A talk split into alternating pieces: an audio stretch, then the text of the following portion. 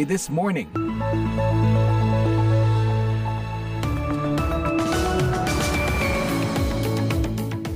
Selamat pagi, VOA This Morning kembali menyapa Anda live dari Studio 17 VOA di Washington DC bersama saya Rifan Wi Astono. Apa kabar? Semoga baik ya. Sebelumnya kami mau berterima kasih nih buat antusiasme teman-teman pendengar di Sumatera Barat karena acara kampus tour VOA selama tiga hari di sana seru banget. Semoga next time bisa mampir juga ya ke kota-kota yang lain. Nah ngomong-ngomong di Washington DC sendiri sekarang uh, kualitas udaranya cukup buruk karena beberapa daerah di Kanada khususnya di bagian timur Kanada ini terjadi kebakaran hutan dan lahan dan akhirnya asapnya itu tersapu sampai ke pesisir timur Amerika Serikat. Dan VOA punya update untuk Anda. Di hari Kamis tanggal 8 Juni 2023 ini kami juga punya beberapa berita lainnya. Di antaranya jet tempur Korea Selatan bergegas disiagakan setelah pesawat militer Tiongkok dan Rusia memasuki zona pertahanan udaranya di selatan dan timur semenanjung Korea. Itu adalah bagian dari norma baru dan mengganggu, terutama mengingat fakta terbatasnya komunikasi antara pejabat pertahanan tinggi di Amerika dan Tiongkok. Di tengah ketegangan antara Amerika dan Tiongkok, Indonesia menggelar latihan non-perang bersama 36 negara, termasuk kedua negara besar tersebut. Latihan gabungan dilakukan berdasarkan prinsip kesetaraan dan saling menghormati. Tujuan utama dari latihan bersama ini untuk menciptakan persaudaraan di kalangan negara-negara peserta latihan gabungan. Dan pendengar jangan lupa siaran ini juga bisa Anda simak secara live streaming di situs kami www.voaindonesia.com atau dengarkan kapan saja melalui podcast VOA This Morning di platform podcast langganan Anda. Sekarang kita simak dulu berita dunia pagi ini. Inilah berita dunia VOA, saya Sharon Sumolang. Pada Rabu, para petugas pemadam kebakaran berjuang menangani kebakaran hutan ketika kebakaran hutan awal musim terparah terjadi di Kanada. Peristiwa ini memicu evakuasi ribuan orang dan gumpalan udara berasap terlihat di atas kota-kota di Amerika. Kebakaran ini terjadi hampir seluruh provinsi dan wilayah Kanada, namun provinsi bagian timur Kanada, Quebec, menjadi salah satu yang terparah. Sejauh tahun ini, provinsi dengan penduduk terbanyak kedua di Kanada itu telah menghadapi kebakaran hutan empat kali lipat dari rata-rata 10 tahun kebakaran hutan. Sekitar 520 petugas pemadam kebakaran berjuang melawan kobaran api dengan 150 personel tambahan dari militer akan segera bergabung, kata Perdana Menteri Quebec François Legault. Dia mengatakan dia berharap 500 lebih petugas lainnya akan tiba dalam beberapa hari ke depan dari provinsi tetangga New Brunswick seperti Prancis, Amerika Serikat, Portugal, Spanyol, dan Meksiko.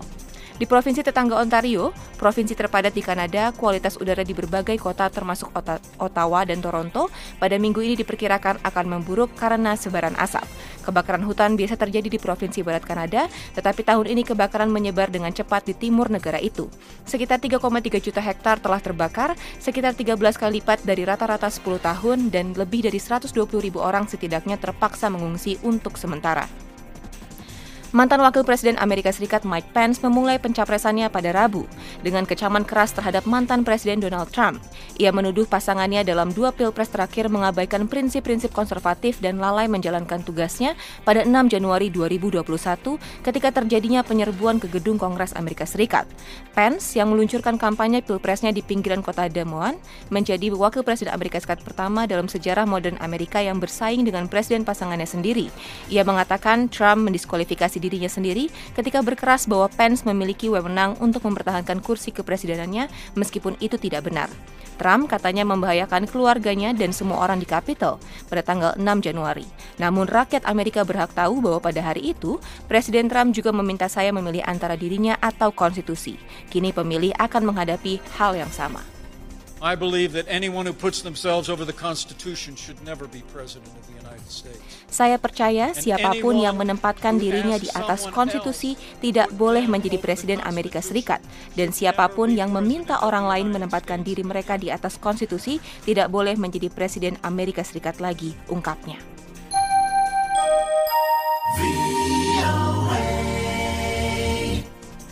Menteri Luar Negeri Amerika Serikat Anthony Blinken bertemu Menteri Luar Negeri Arab Saudi Faisal bin Farhan di Riyadh pada Rabu dan keduanya membahas sejumlah isu termasuk upaya untuk mewujudkan perdamaian yang langgeng di Yaman, kata juru bicara Departemen Luar Negeri.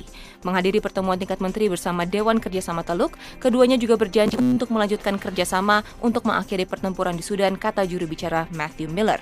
Perusahaan kereta api Coromandel Express di India yang terlibat dalam kecelakaan maut pekan lalu kembali beroperasi pada Rabu. Dua kereta penumpang dan satu kereta barang keluar jalur pada Jumat 2 Juni lalu, menewaskan lebih dari 200 orang dan melukai lebih dari 1.000 orang. Salah satu dari ketika ketiga kereta melaju dengan kecepatan 126 km per jam, sementara yang lainnya 128 km per jam. Kereta barang yang sedang terparkir mengangkut biji besi. Beberapa penumpang kereta pada hari Rabu mengaku merasa sangat takut atas peristiwa itu, sementara yang lain mengaku harus mengesampingkan perasaan mereka untuk naik kereta. Penyelidikan kecelakaan masih dilakukan. Temuan awal menunjukkan bahwa kegagalan sinyal kemungkinan menjadi penyebab tabrakan. Paus Franciscus menjalani operasi selama tiga jam di sebuah rumah sakit di Roma pada Rabu untuk mengobati hernia yang menurut dokter cukup berhasil sehingga dia tidak dibatasi untuk bepergian dan beraktivitas setelah sembuh. Dia bahkan bercanda dengan saya tentang kapan kita akan melakukan operasi ketiga, kata Kepala Dokter Bedah Sergio Alfieri ketika menjelaskan semangat dan kesiagaan Paus setelah sadar. Ketika berbicara kepada reporter di Rumah Sakit Gemelli di Roma, penuturan Alfieri tersebut mengacu pada hernia yang disebabkan oleh luka pasca operasi perut pada 2021. Alfieri mengatakan bahwa Paus, yang kini berusia 86 tahun itu, bereaksi dengan baik terhadap bius total dan ia memperkirakan Paus diopname selama 5-7 hari.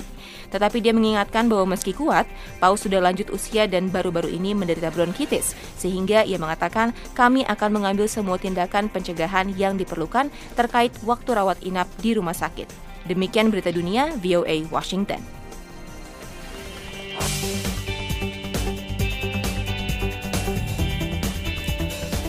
VOA This Morning, jet tempur Korea Selatan bergegas disiagakan setelah pesawat militer Tiongkok dan Rusia memasuki zona pertahanan udaranya di selatan dan timur semenanjung Korea.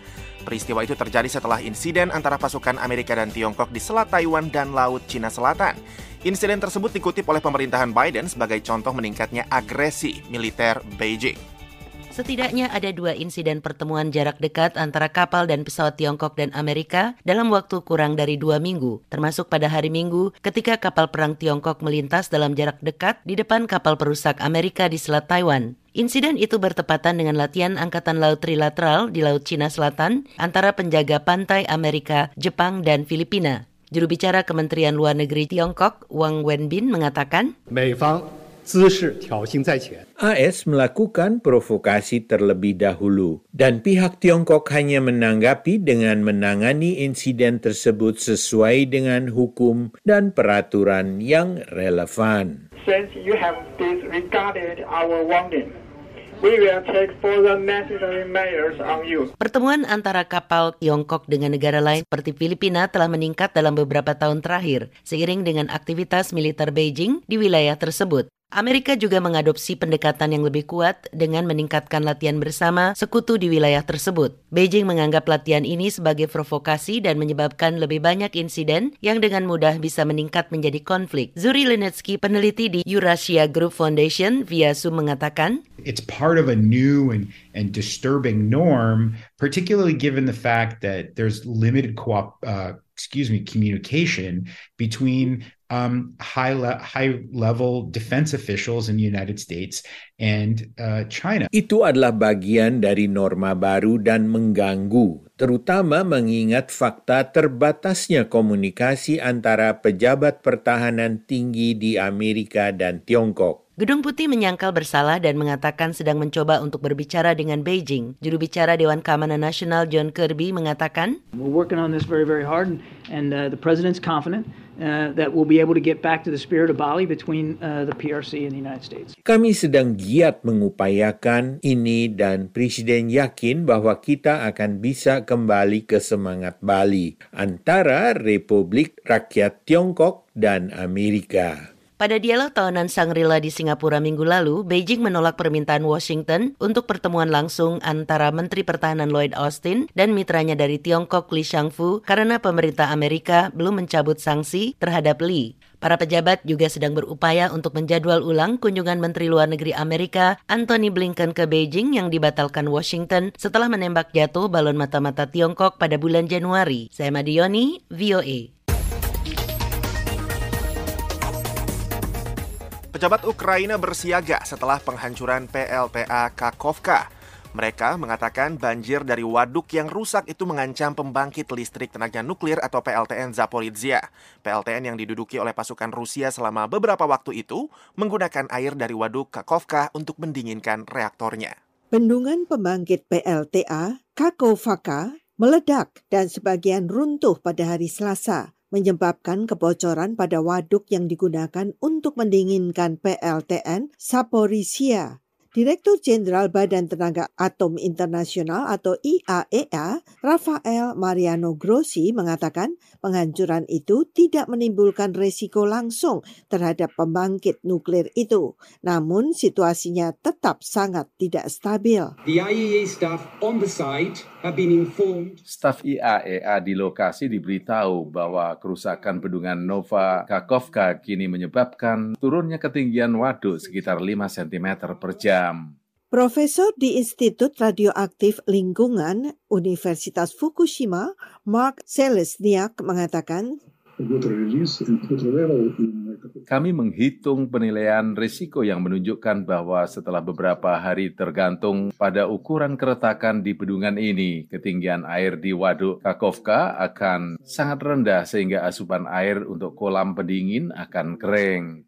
Namun sejak reaktor Zaporizhia ditutup, Selesniak mengatakan kepada VOA tidak ada risiko langsung terhadap PLTN itu. Namun pembangkit tenaga nuklir tetap membutuhkan mekanisme pendingin. Dan ada kekhawatiran tentang bagaimana PLTN itu dijalankan karena telah diduduki oleh pasukan Rusia selama lebih dari setahun. Petro Kotin, kepala perusahaan nuklir milik Ukraina, Energoatom, mengatakan, Situasi semakin memburuk di PLTN sejak awal pendudukan dimulai, yaitu pada 4 Maret tahun lalu. Para ahli memperingatkan, salah langkah bisa menyebabkan emisi radiasi, menyebabkan bencana yang menjangkau jauh dan luas di seluruh Eropa, Rusia, dan Mediterania. Menteri Energi Ukraina, German Galushenko, setuju dengan hal itu. Dan setiap hari berubah karena angin. Tetapi kami melihat bahwa radiasi nuklir pada beberapa hari ini karena angin membawa awan dari radiasi itu sampai ke Turki, Rusia, Moldova, Rumania, Hungaria, Polandia, dan Belarus. Pejabat IAEA e memantau perkembangan itu dengan cermat dan berencana mengunjungi Saporisia paling cepat pertengahan Juni. Puspita Sariwati, VOA, Washington.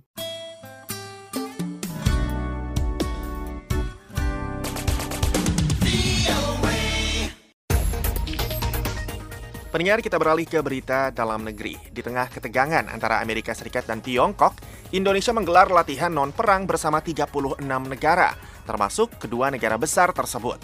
Pengamat menilai latihan bersama ini sebagai bentuk diplomasi pertahanan Indonesia untuk membangun kepercayaan, sekaligus mengurangi kekhawatiran dan kesalahpahaman antar negara, bukan dalam konteks untuk menghadapi kekuatan besar yang ada.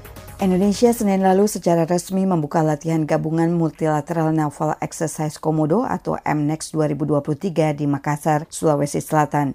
Latihan gabungan non-perang itu diikuti oleh Angkatan Laut dari 36 negara termasuk Amerika, Tiongkok, Jepang, Korea Selatan, dan Rusia. Latihan yang dibuka Panglima TNI Laksamana Yudo Margono ini merupakan latihan non-perang yang mengedepankan kerjasama maritim di kawasan regional, penanggulangan bencana, serta operasi kemanusiaan guna mempererat kerjasama antara TNI Angkatan Laut dengan negara-negara sahabat. Menurutnya penguatan diplomasi Angkatan Laut seperti ini harus terus dipupuk. Selain sebagai sarana diplomasi kata Yudo, latihan bersama itu juga untuk memastikan stabilitas keamanan wilayah laut Indonesia, mengingat wilayah laut Indonesia berbatasan dengan 10 negara.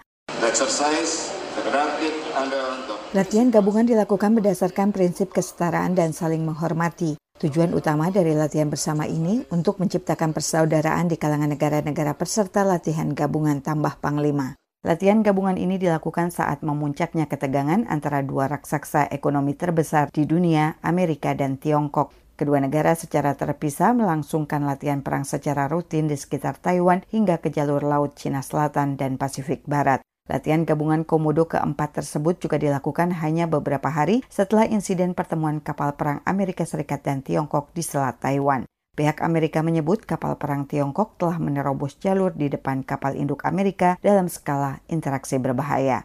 Pengamat militer dari Institute for Security and Strategic Studies, Hairul Fahmi menilai latihan bersama ini sebagai bentuk diplomasi pertahanan yang dilakukan Indonesia untuk membangun kepercayaan, mengurangi kekhawatiran dan kesalahpahaman antar negara, dan bukan dalam konteks untuk menghadapi kekuatan besar yang ada. Meskipun ada kekuatan-kekuatan atau negara yang ingin mendominasi di kawasan tersebut, namun MNEX ingin membangun kemitraan yang melampaui itu. Diharapkan semua negara yang mengambil bagian dalam latihan bersama tersebut bersedia mengesampingkan perbedaan-perbedaan dan ketegangan politik serta membangun komitmen bersama. Konteksnya mengurangi kekhawatiran dan salah pahaman antar negara itu yang ingin dibangun Indonesia melalui undangan yang tidak hanya bertumbuh pada satu poros saja, tapi juga kekuatan-kekuatan lain yang punya kepentingan, punya pengaruh di kawasan ini. Hairul melihat Indonesia juga ingin mewujudkan peran yang lebih besar dalam bidang pertahanan karena wilayahnya yang sangat luas baik laut, daratan, dan udara serta posisinya yang sangat strategis. Akan banyaknya tantangan dan ancaman bagi kepentingan nasional Indonesia jika negara itu tidak mengambil peran yang lebih besar dan meningkatkan pengaruhnya di kawasan tersebut. Dari Jakarta, Fatia Wardah melaporkan untuk VOA Washington.